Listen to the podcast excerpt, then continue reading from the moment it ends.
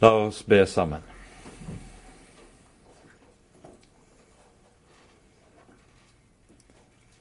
Kjære du vår Gud, du hellige og trofaste Far.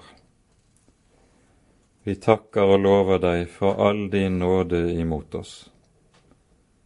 Takk, Hellige Gud, at du som troner så høyt, har bøyet deg til oss her i det dype.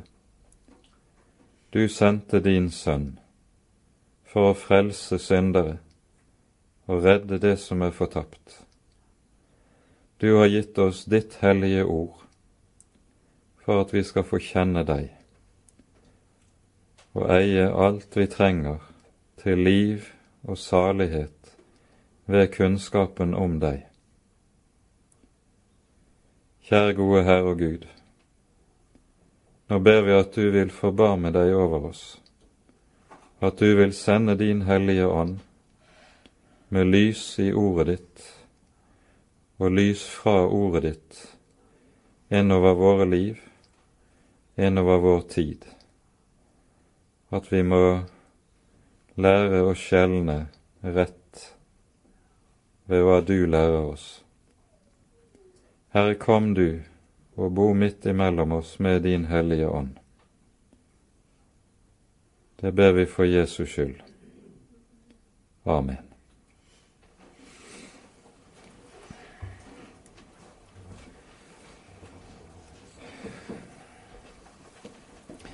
Når vi begynner på Samuelsbøkene og den periode som vi dermed går inn i, så går vi med det også inn i en av de mest avgjørende periodene i Guds rikes historie.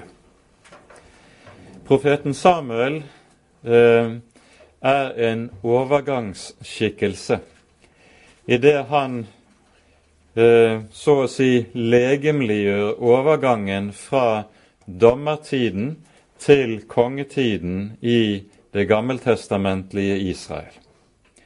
Samuel er på en og samme tid den siste av dommerne, som altså avslutter dommertiden, samtidig som han er den første av de egentlige profeter som vi fra nå av møter videre utover gjennom Det gamle testamentet.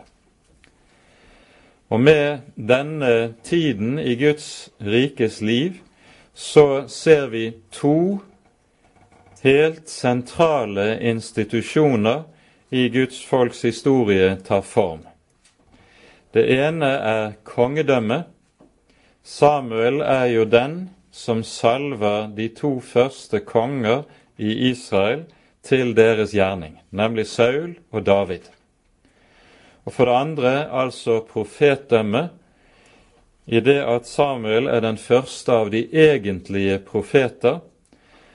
Lenger ut i første Samuels bok hører vi også det dannes en krets rundt Samuel av disipler, som man gjerne kaller, i teologien har kalt for profetskole. Og slike profetskoler hører vi senere om i en rekke sammenhenger videre i de historiske bøker. Ved at vi er ved avslutningen av dommertiden, så befinner vi oss i den perioden som når det gjelder årstall, er vi år ca. år 150 til, nei, 1050 til år 1000 før Kristus. Samuel er muligens født rundt år 1080 før Kristus. Vi kan ikke gi noen mer bestemte tidsangivelser. Det kan godt være ti år senere eller ti år før. Men det som har vært allmenn tidsregning når det gjelder denne tiden, er at Sauls kongetid varer ca. fra 1020 til år 1000, og fra år 1000 av og i 40 år fremover er det så David regjerer. Men når David bestiger tronen etter at Saul er død, så har allerede også Samuel vært død i mange år.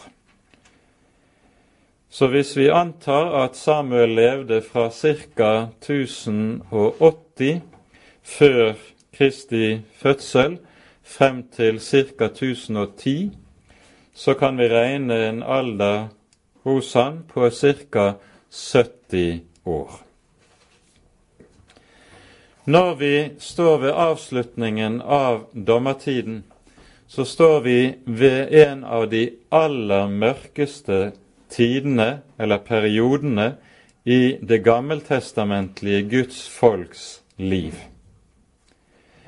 Dommertiden varer jo fra Josvas død og frem til altså eh, Saul salves til konge. Og Hvis vi følger den bibelske kronologien i dette, så innebærer det en periode på ca. 300 til 330 år. Og Leser vi dommerboken, så vil vi se hvorledes forfallet, det åndelige forfall og frafall i Guds folk griper om seg og blir stadig dypere. Slik at når Samuel kalles til profet, så leser vi i begynnelsen av det tredje kapittelet i første Samuels bok slik Herrens ord var dyrt i de dager, og av syner var det lite.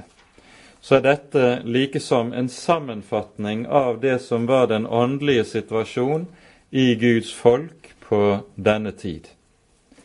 Guds ord var sjelden vare. Vi får også i de første kapitlene i Samuelsboken høre hvorledes forfallet har nådd like inn i det aller helligste, nemlig i tjenesten i tabernaklet, der Samuel kommer som liten gutt. Vi skal komme tilbake til dette. Forfallet i dommertiden er så gjennomgripende at når vi nå kommer inn i første Samuels bok, så er Israels folk nær ved å bli som et hedensk folk. Så dypt er frafallet nådd.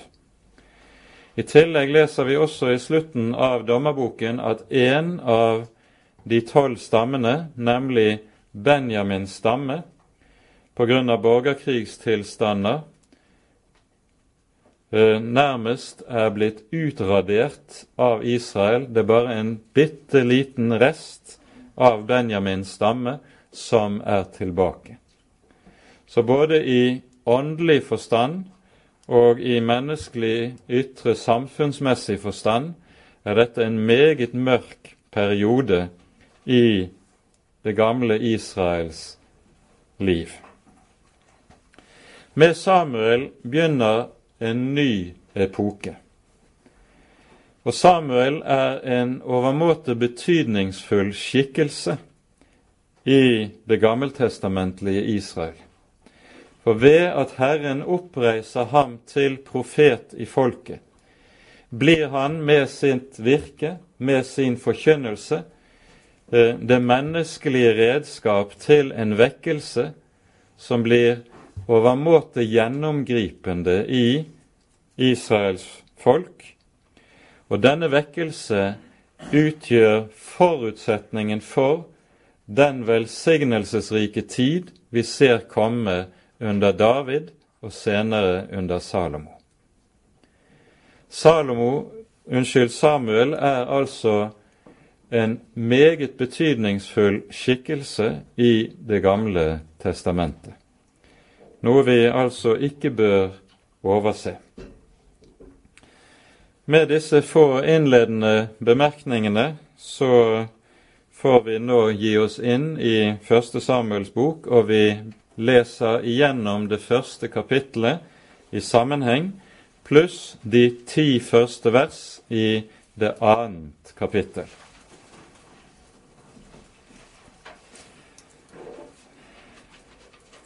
Der var en mann fra Ramatayim Tsofim i Efraim-fjellene Han hette Elkana og var sønn av Jeroham, sønn av Elihu, sønn av Tohu, sønn av Sof, en efraimitt. Han hadde to hustruer. Den ene het Hanna og den andre Peninna. Og Peninna hadde barn, men Hanna ikke. Denne mannen dro år etter år opp fra sin by for å tilbe og ofre til Herren, herskarenes Gud, i Kilo. Der var Elis to sønner, Hofni og Pinehas, prester for Herren. Og når dagen kom, da Elkanah bar frem sitt offer, da ga han sin hustru Peninna og alle hennes sønner og hennes døtre hver sitt stykke av offeret. Men Hanna ga han et dobbelt stykke, for han elsket Hanna, enda Herren hadde tillukket hennes mors liv. Og hennes medbeilerske krenket henne også sårt for å egge henne til vrede, fordi Herren hadde lukket for hennes mors liv. Således gjorde han år etter år, så ofte hun dro opp til Herrens hus, og således krenket Peninna henne, og hun gråt og ville ikke ete. Da sa Elkanah, hennes mann, til henne, Hanna, hvorfor gråter du? Hvorfor eter du ikke? Hvorfor er du så sorgfull? Er ikke jeg mer for deg enn ti sønner? Da de nå en gang hadde ett og drukket i Silo, og mens Eli, presten, satt på sin stol ved dørposten i Herrens tempel, sto Hanna opp, og i sin hjertesorg ba hun til Herren og gråt sårt. Og hun gjorde et løfte og sa, Herre, herskarenes Gud, dersom du vil se til din tjenerinne i hennes nød, og komme meg i hu og ikke glemme din tjenerinne, men la din tjenerinne få en sønn, så vil jeg gi ham til Herren for hele hans levetid, og det skal ikke komme rake kniv på hans hode. Således ba hun lenge for Herrens åsyn, og Eli ga akt på hennes munn. For det var i sitt hjerte Hanna ba. Bare hennes leber rørte seg, men hennes røst hørtes ikke. Derfor tenkte Eli at hun var drukken, og han sa til henne, Hvor lenge vil du te deg som en drukken? Se til å bli av med din rus. Da svarte Hanna og sa, Nei, min herre, jeg er en kvinne som bærer på en tung sorg i sitt hjerte. Vin og sterk drikk har jeg ikke drukket, men jeg utøste min sjel for Herrens åsyn. Hold ikke din tjenerinne for en ryggesløs kvinne, for jeg har hele tiden talt av min store sorg og gremmelse. Da svarte Eli og sa, Gå bort i fred, og Israels Gud skal gi deg det du har bedt han om. Hun sa, La din tjenerinne finne nåde for dine øyne. Så gikk kvinnen sin vei, og nå åt hun og så ikke mer så sorgfull ut. Morgenen etter sto de tidlig opp og tilbar for Herrens åsyn. Så vendte de tilbake og kom hjem igjen til Rama. Og Elkanar holdt seg til Hanna sin hustru, og Herren kom henne i hu. Og innen året var omme, ble Hanna fruktsommelig og fødte en sønn, og hun kalte ham Samuel. For, sa hun, jeg har bedt Herren om ham. Da så mannen, Elkanah, dro opp igjen med hele sitt hus for å ofre til Herren det årlige offer og sitt løfteoffer, dro Hanna ikke med opp, men sa til sin mann, Jeg vil vente til gutten er avvent. Da vil jeg ta ham med meg, så kan han fremstilles for Herrens åsyn og bli der all sin tid. Elkanah, hennes mann, sa til henne, Gjør hva du finner for godt. Bli hjemme til du har avvent ham. Bare Herren vil holde sitt ord. Så ble kvinnen hjemme, og hun ga sin sønn die til hun hadde avvent ham. Og så snart hun hadde avvent ham, reiste hun opp med ham og hadde med seg tre okser og en efa mel og en skinnsekk med vin. Og hun bar ham inn i Herrens hus i Kilo. Han var bare en ganske liten gutt. Så slaktet de oksen og førte gutten inn til Eli. Og hun sa, Hør meg, min herre, så sant du lever, min herre, jeg er den kvinne som sto her hos deg og ba til Herren. Denne gutt var det jeg ba om, og Herren har gitt meg det jeg ba han om. Og nå gir jeg ham tilbake til Herren for all den tid han er til. Det var for Herrens skyld jeg ba om ham, og de tilba Herren der. Og Hanna ba og sa, Mitt hjerte fryder seg i Herren, høyt er mitt horn i Herren. Vidt opplatt min munn mot mine fiender, for jeg gleder meg over din frelse. Ingen er hellig som Herren, for det er ingen foruten deg, og det er ingen klippe som vår Gud. Tal ikke så mange høye ord, la ikke frekke ord gå ut av deres munn, for en allvitende Gud er Herren, og av ham veies gjerninger. Kjempenes bue brytes, og de snublende omgjorde seg med kraft. De mette lar seg leie for brød, og de hungrige hører opp og hungre. Endog den ufruktbare føder syv barn, og den som er rik på sønner, visner bort. Herren døder og gjør levende. Han fører ned i dødsriket og fører opp derfra. Herren gjør fattig og gjør rik. Han nedtrykker og han opphøyer. Han reiser den ringe av støvet, løfter den fattige av skarne, for å sette ham hos fyrster og gi ham et ærefullt sete. For Herren hører jordens støtter til, og på dem har han bygget jorderiket. Han verner sine frommes føtter men de ugudelige går til grunne i mørket. For ikke ved kraft er mannen sterk. Forferdes skal hver den som strider mot Herren. Over ham lar han det tordne i himmelen. Herren dømmer jordens ender, og han vil gi sin konge styrke og opphøye sin salvedes horn. Så dro Elkana hjem igjen til Rama, men gutten tjente Herren under Elis, prestens tilsyn.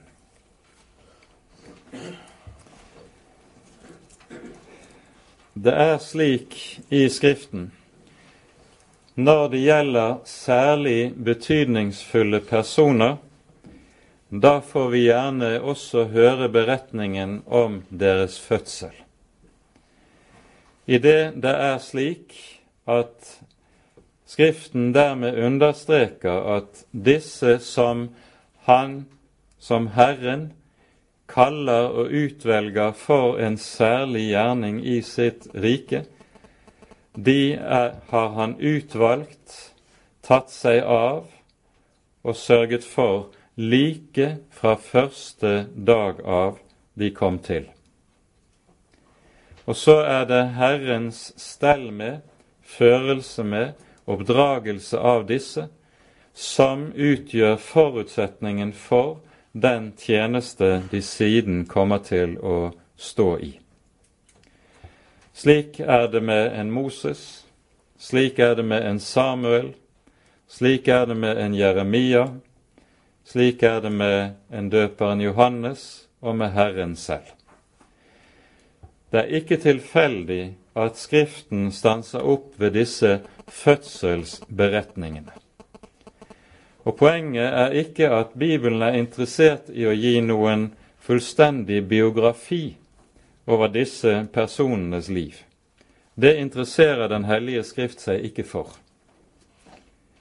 Derfor utelater Skriften meget av den typen informasjon og opplysninger om de personene den omtaler, som en biograf ville være meget interessert i å høre om. Det Skriften tar frem og omtaler, er det som har betydning for Guds rikes fremvekst og historie. Alt annet utelates, legges til side som uvesentlig. Selv om en historiker ellers ville mene at dette hadde den største betydning. Og Det er altså fordi det vi hører om Samuels fødsel, har en slik betydning for hans gjerning. Skriften tar det frem. Vi eh, tas med inn i et hjem der det er en som er meget ulykkelig. Elkanah har to hustruer.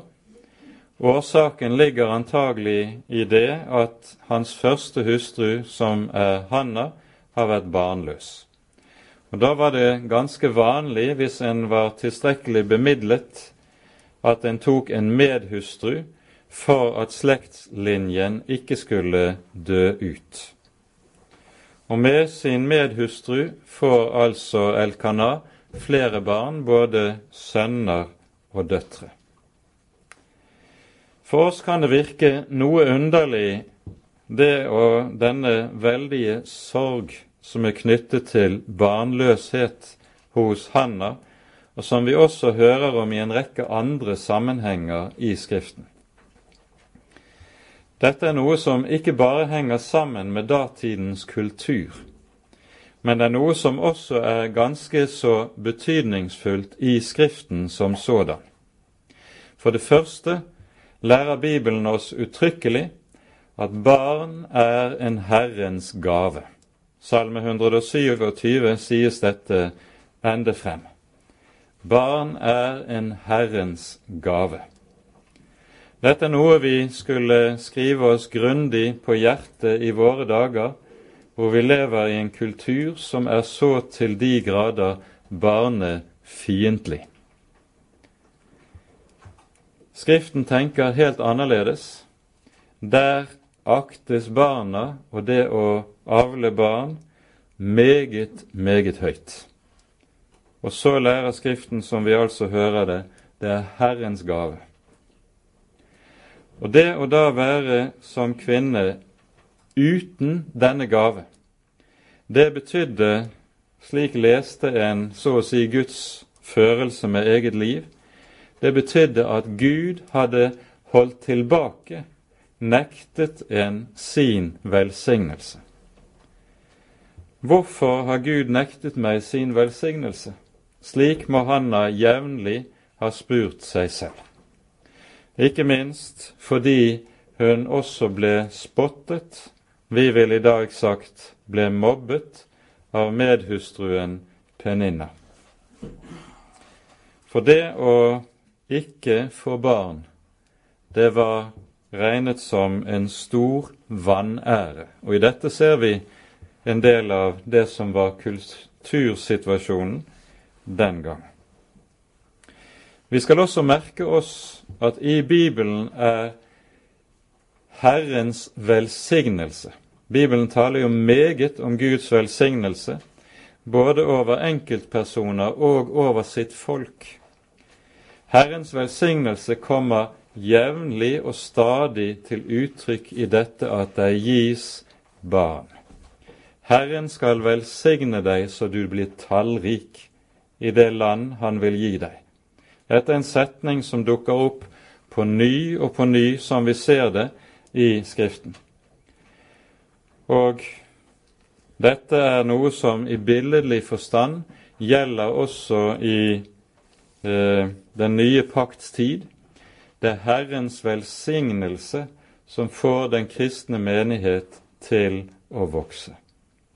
Det er altså noe som ikke kan virkes gjennom noe mennesker selv prøver å foreta seg, få til. Det er noe som må gis ved Guds velsignelse. Derfor er det ordet som vi leste fra Salme 127, det innleder denne salmen innledes slik dersom Herren ikke bygger huset, bygger bygningsmennene forgjeves.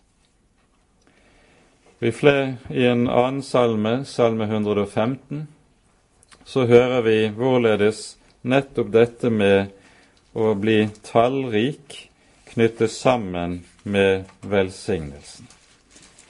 Vi leser slik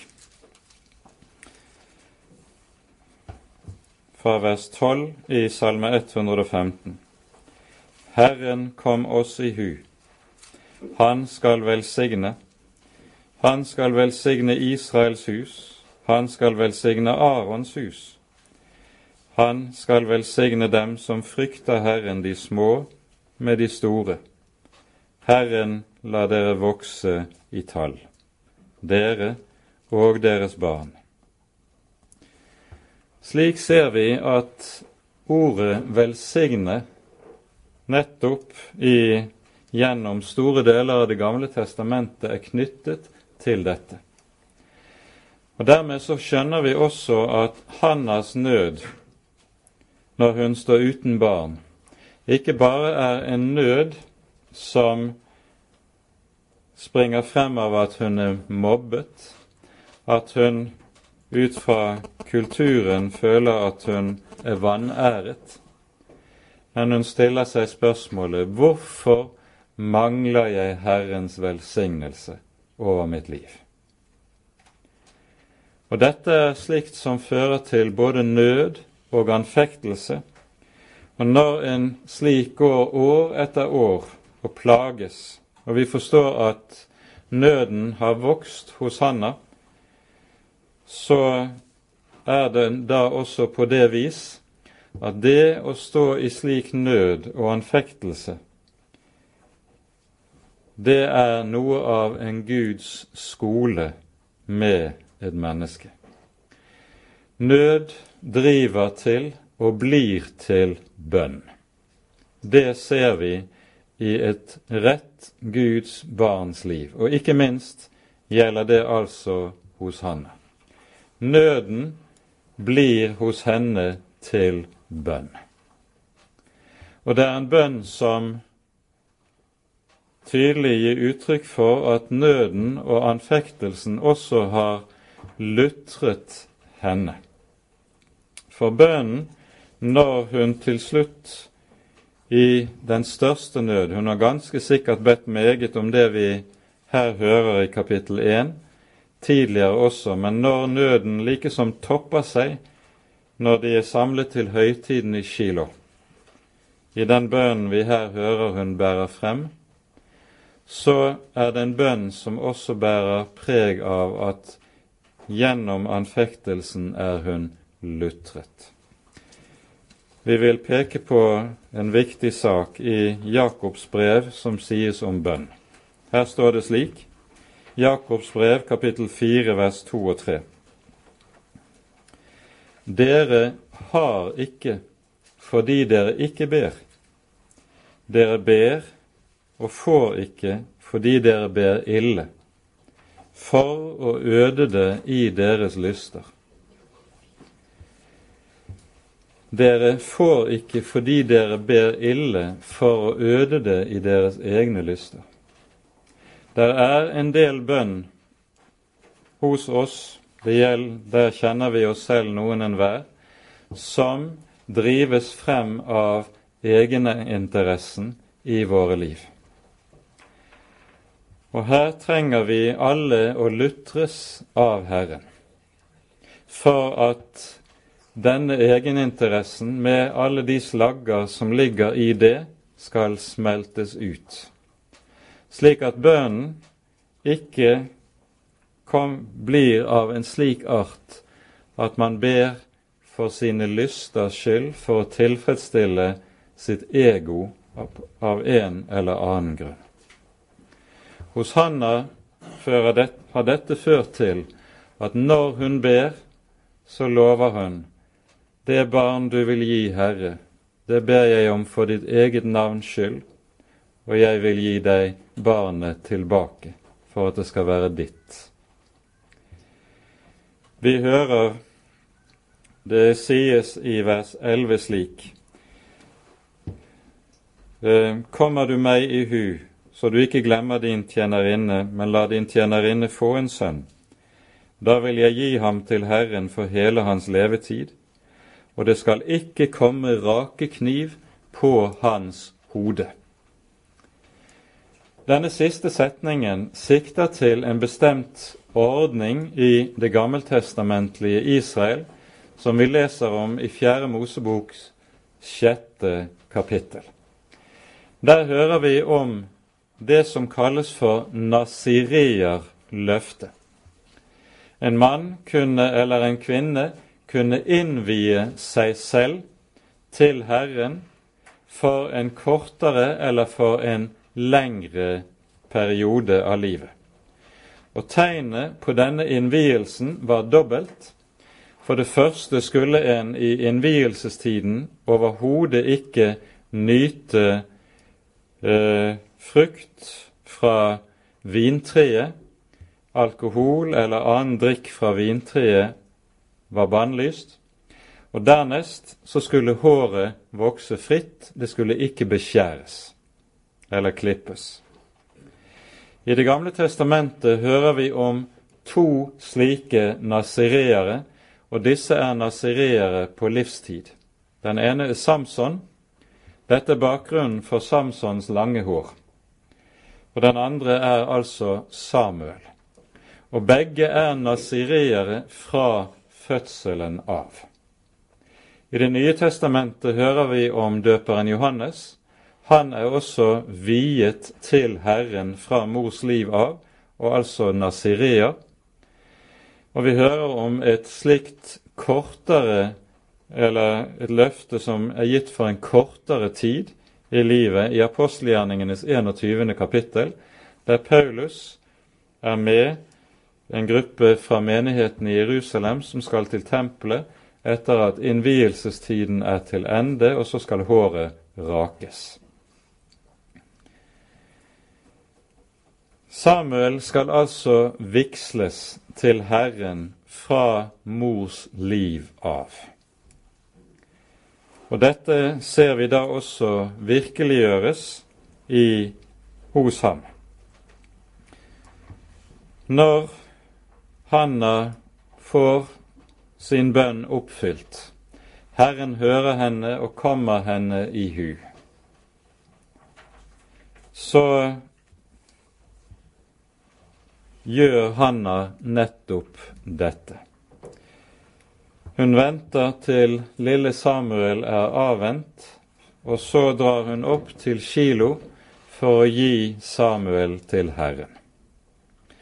En liten parentes bare om Kilo før vi går videre. Kilo er det sted der Herrens helligdom, tabernaklet, var reist og ble stående gjennom hele dommertiden.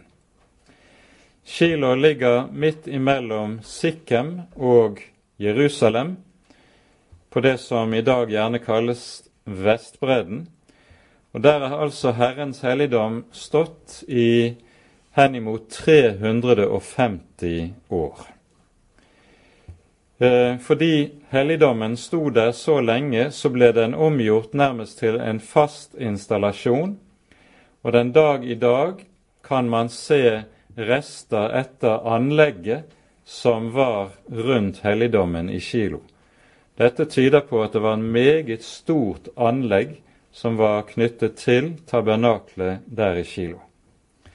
Og utgravninger har vist at dette anlegget ble ødelagt, herjet av fiender, rundt år 1050 før Kristus, noe som stemmer meget godt overens med det vi hører i Første Samuels bok i det fjerde kapittelet, som vi skal komme til senere.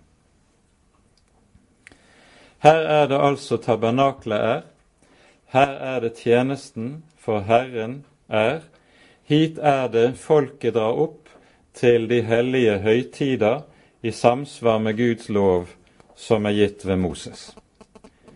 Og vi hører at Elkanah bare drar opp én gang om året. Med det tenkes det antagelig på at han tar med sin familie som helhet én gang om året. Selv har han nok oftere vært der oppe i Kilo fordi han er levitt.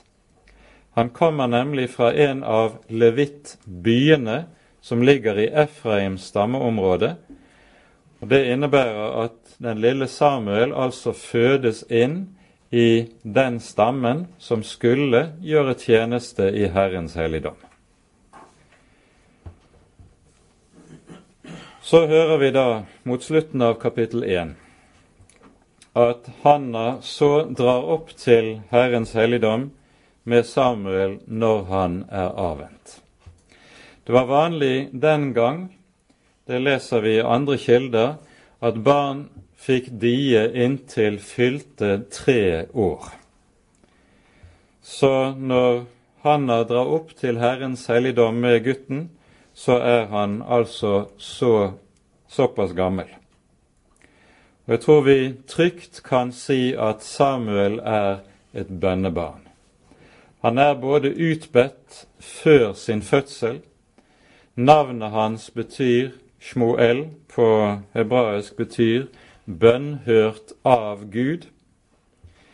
Og av omsorgen som Hanna bærer for den lille gutten sin, så skjønner vi at hun ikke bare sørger for ham materielt, men enn mer nok også stadig har bedt for ham gjennom hele oppveksten. Mot slutten av kapittel 1 hører vi altså det sies hun kommer til Eli og sier, 'Denne gutt var det jeg ba om.' 'Herren har gitt meg det jeg ba han om, og nå gir jeg ham tilbake til Herren.' for all den tid han er til. Det var for Herrens skyld jeg ba om ham, og de tilba Herren der. Her skal vi merke oss en sak som også er avgjørende for oss som lever i den nye pakt. Når det står om Hanna at hun gir barnet tilbake til Herren, så er det slik hvert foreldrepar som bringer sitt barn til Herrens dåp, skal tenke om den hellige dåp. Det å bringe barnet til dåp, det er å gi barnet tilbake til Herren for at det skal høre Herren til. Det innebærer at foreldrene dermed skal se på seg selv på en ganske bestemt måte. Det barn Herren har gitt meg, det er Herrens barn. Vi som foreldre, vi skal kun være tjenere og forvaltere for Herren i oppdragelsen av barnet. De er Guds barn. Å bære barnet til den hellige dåp, det er nettopp dette å gi barnet tilbake til Han som skjenket det, for at det skal være Guds barn. Og Dette er et meget avgjørende perspektiv å ha nettopp på dåpen også. Så hører vi i fortsettelsen Hannas lovsang. Denne lovsang, disse ti versene i Hannas lovsang, de er noe, representerer noe av et høydepunkt i Guds erkjennelse i hele den gammeltestamentlige tid. I Det nye testamentet får vi en motsvarighet til denne i Marias lovsang, som vi hører i Lukasevangeliets første kapittel.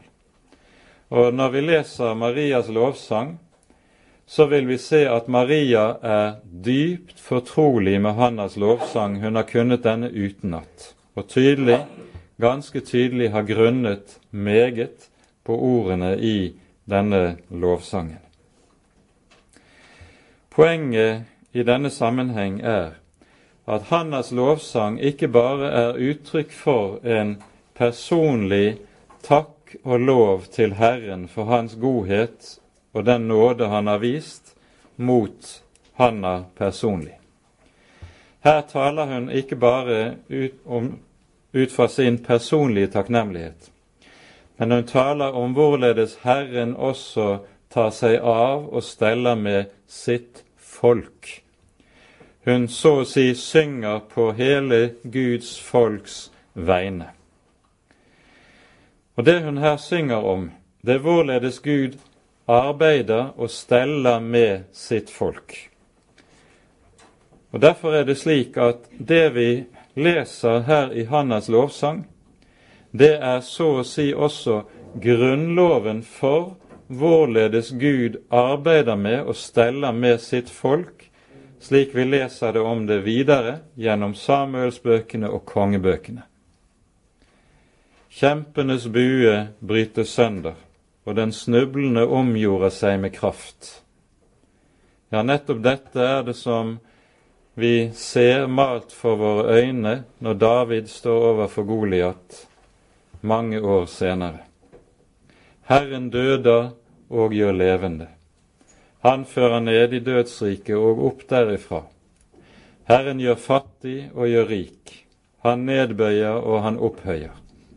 Det er Guds måte å arbeide på, både med sitt folk, historisk i folkets felles liv, og med den enkelte. Luther sier om dette Gud har to hender. Og med disse to hender arbeider han på hvert enkelt menneske. Det er ikke slik at han døder en og gjør en annen levende. Gjør en fattig og gjør en annen rik. Nei, her er det tale om at disse to gjerninger Gud gjør, de er betinger hverandre og er gjensidig avhengig av hverandre. Gud døder og gjør levende hvert menneske som han får lov til å ta seg av. Hvis Gud skal få gjøre deg levende, så må han få døde deg. Hvis Gud skal få gjøre deg rik, så må han få gjøre deg fattig. Hvis Gud skal få opphøye deg, så må han først få nedbøye deg.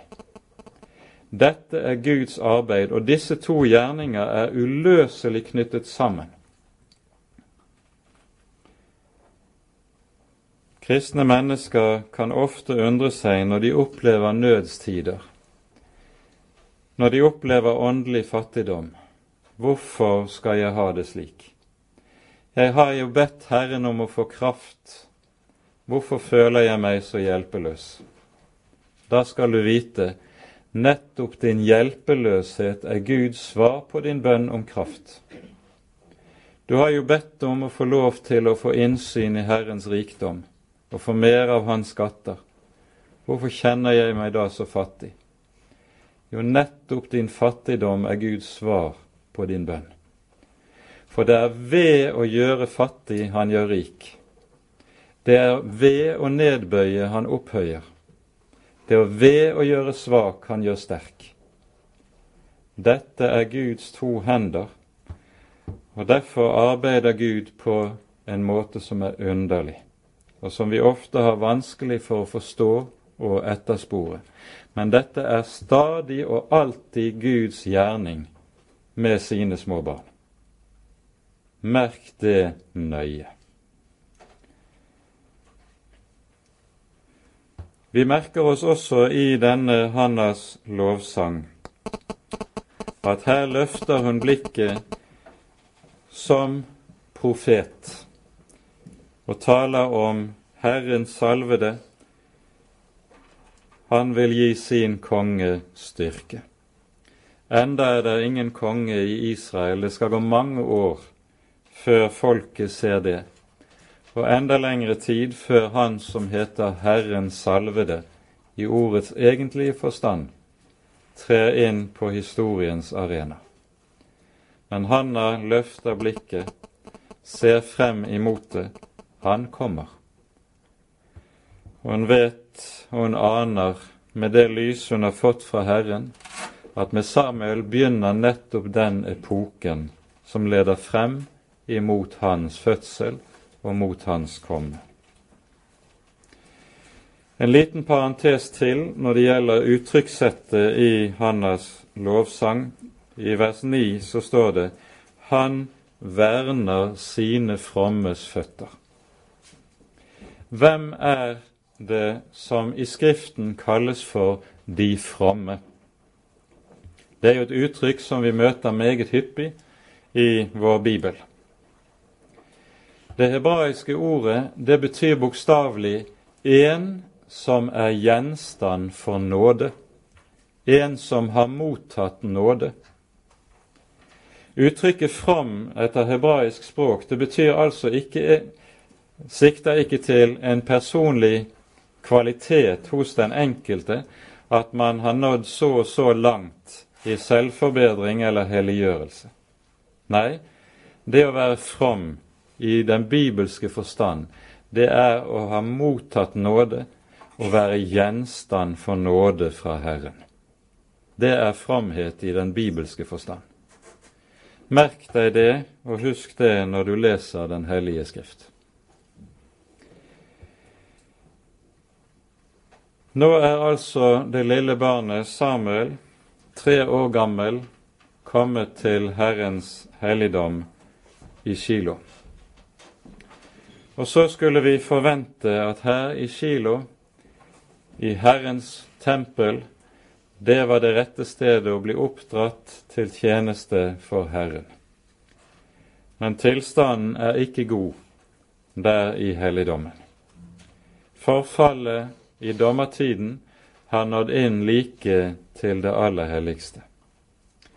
Vi aner noe av hvordan forholdene kan ha vært allerede på Elis reaksjon på Hannas bønn.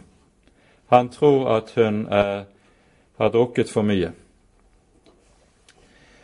Bakom dette ligger at det sannsynligvis har vært meget vanlig at folk som dro opp til høytiden, slo seg løs, og det kunne være drukkenskap i helligdommen. Og Eli har antagelig sett så mye av dette at han trodde at Hanna bare var enda en av samme sorten.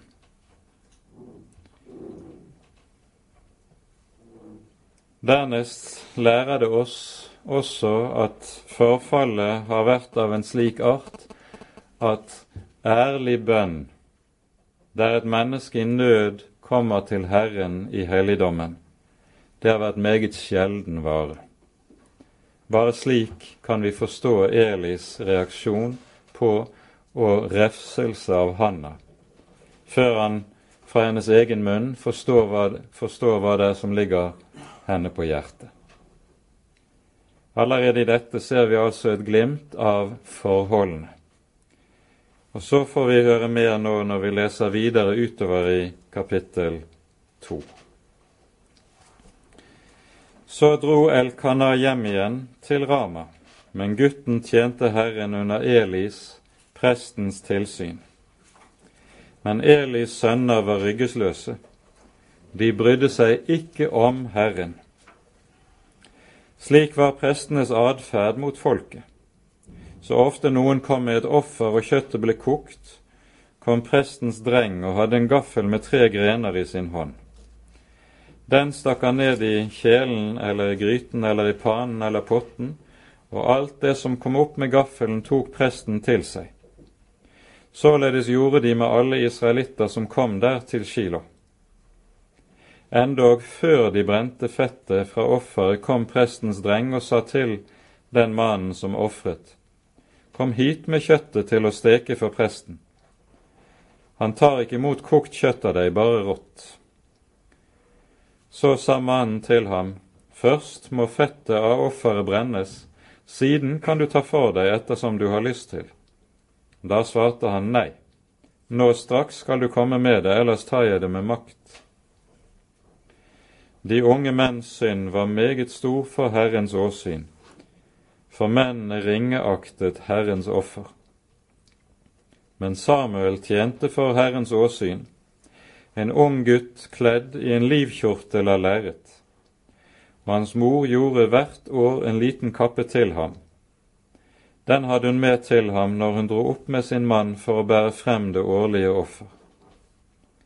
Da velsignet Eli Elkanah og hans hustru og sa:" Herren gir deg barn igjen med denne kvinne i stedet for ham som hun ba om for Herren. Så dro de hjem igjen, og Herren så til Hanna, og hun ble fruktsommelig og fødte tre sønner og to døtre. Men gutten Samuel vokste opp hos Herren. Eli var meget gammel, og når han hørte om alt det hans sønner gjorde mot hele Israel, og at de lå hos de kvinner som gjorde tjeneste ved inngangen til sammenkomstens telt, sa han til dem, Hvorfor gjør dere således? Jeg hører av hele folket her at deres atferd er ond. Ikke så, mine sønner. Det ryktet jeg hører, er ikke godt. Dere forfører Herrens folk. Når en mann synder mot en annen mann, skal Gud dømme han. Men når en mann synder mot Herren, hvem skal da be for ham? Men de hørte ikke på det deres far sa, for det var Herrens vilje å la dem dø.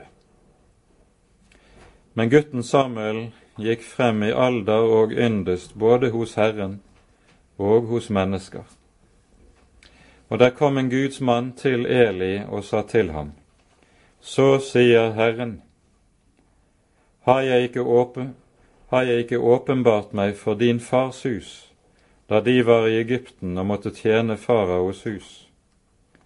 og jeg valgte ham blant alle Israels stammer til prest for meg, til å ofre røkelse på mitt alter, brenne røkelse, bære livkjortel for mitt åsyn, og jeg ga din fars hus alle Israels barns ildoffer. Hvorfor trer dere mitt slaktoffer og mitt matoffer under føtter, de offer som jeg har påbudt i min bolig? Og du ærer dine sønner mer enn meg idet dere mesker dere med det beste av hver offergave som mitt folk Israel bærer frem. Derfor lyder ordet fra Herren, Israels Gud. Vel har jeg sagt, ditt hus og din fars hus skal ferdes for mitt åsyn til evig tid. Men nå lyder Herrens ord, det være langt fra meg. Dem som ærer meg, vil jeg ære og de som ringeakter meg, skal bli til skamme. Se, dager skal komme da jeg avhugger din arm og din fars etts arm, så ingen i din ett skal bli gammel. Og du skal skue trengsel for Guds bolig, tross alt det gode han gjør mot Israel, og det skal aldri finnes noen gammel i ditt hus. Dog vil jeg ikke utrydde hver mann av ditt din slekt fra mitt alter, så jeg lar dine øyne slukne og din sjel vansmekte. Men alle som vokser opp i ditt hus, skal dø i sine manndomsår. Til tegn på dette skal du ha det som skal ramme begge dine sønner, Hofni og Pinehas. De skal begge dø på én dag. Og jeg vil oppreise for meg en trofast prest, han skal gjøre etter min hu og min vilje, og jeg vil bygge ham et hus som blir stående, og han skal ferdes for min salvedes åsyn alle dager. Og enhver som er igjen av ditt hus, skal komme og bøye seg for ham, for å få en sølvskilling og et brød og si, Kjære, sett meg i et av presteembetene, så jeg kan få et brød å ete.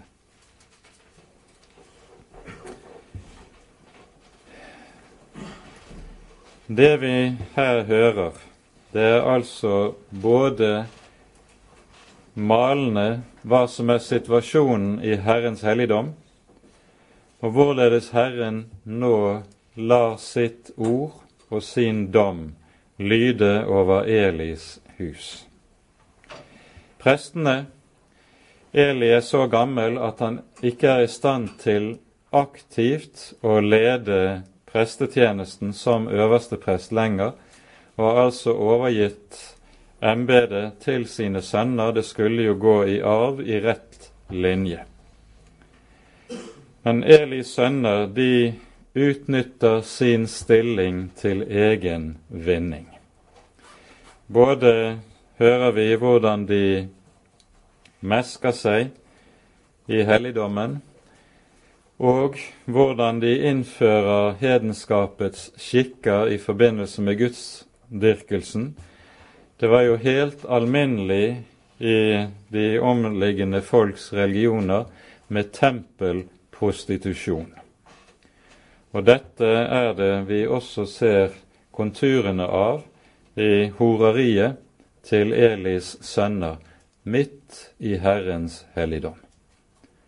Sterkere kan Skriften ikke uttrykke det forfall som er kommet like inn i det aller helligste, som vi her ser for oss.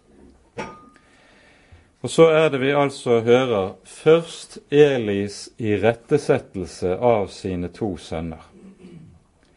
Og nå kan man synes at det virker underlig når denne Guds mann som kommer med Herrens ord, med en Guds dom over Eli, at han også sier til Eli, du ærer dine sønner mere enn meg. Har ikke Eli irettesatt sine sønner?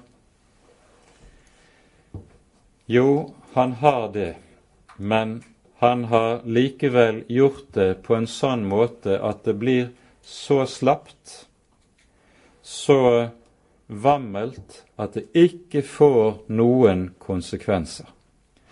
Og vi hører det sies hva som er grunnen til dette. Eli var meget gammel.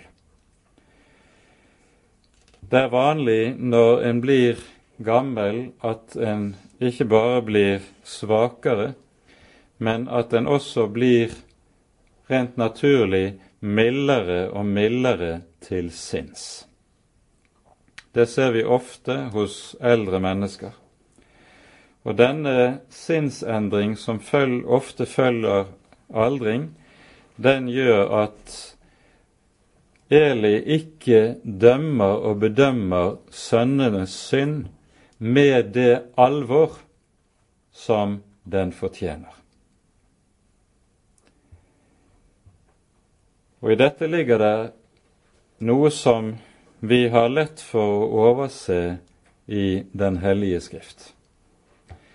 For Bibelen taler i en rekke sammenhenger om det at Herren ikke bare er den hellige Gud.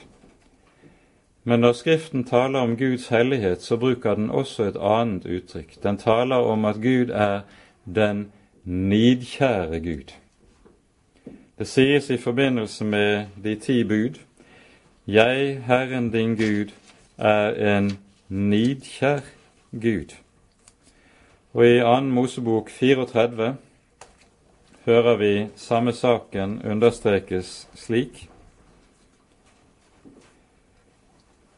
2. Mosebok 34, 14. Du skal ikke tilbe noen fremmed gud, for Herren heter nidkjær en nidkjær Gud er han. I dette ligger det at Gud er ikke slik at han likegyldig trekker på skuldrene av det onde. Han er i stedet det som vi i annen sammenheng hører, en fortærende ild. En fortærende ild mot det som ondt er. Og dette sinn som preger Herren, det skal også prege den som er en rett Herrens tjener. Om Jesus sies det i forbindelse med renselsen av tempelet i Jerusalem, i det det siteres fra Salme 69, Nidkjærhet for ditt hus har fortært meg. Og så renser han tempelet i Jerusalem. Vi hører Paulus formane de troende til å være brennende i ånden. Slapp likegyldighet i forhold til det som er hellig, det sømmer seg ikke slik Skriften taler om det. Og Nettopp her er det vi står overfor noe som er vanskelig for oss i dag å håndtere, vi som lever i et klima hvor alt handler om snillisme og toleranse, ikke minst også i kristen sammenheng. Tenk på hvorledes man kan se innenfor Kirken, kirkeledelsen, at man nærmest trekker på skuldrene og tolererer det onde. Vrang lære og ond gjerning får lov til å ses gjennom fingrene med. Og så sier man vi er uenige med det, men vi kan jo likevel være sammen i Herrens hus og i Herrens kirke. Dette er i strid med det som Skriften taler om Herrens nidkjærhet.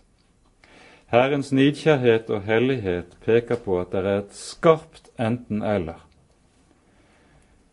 Og så er det at Eli altså får oppleve det tunge ord fra Herren.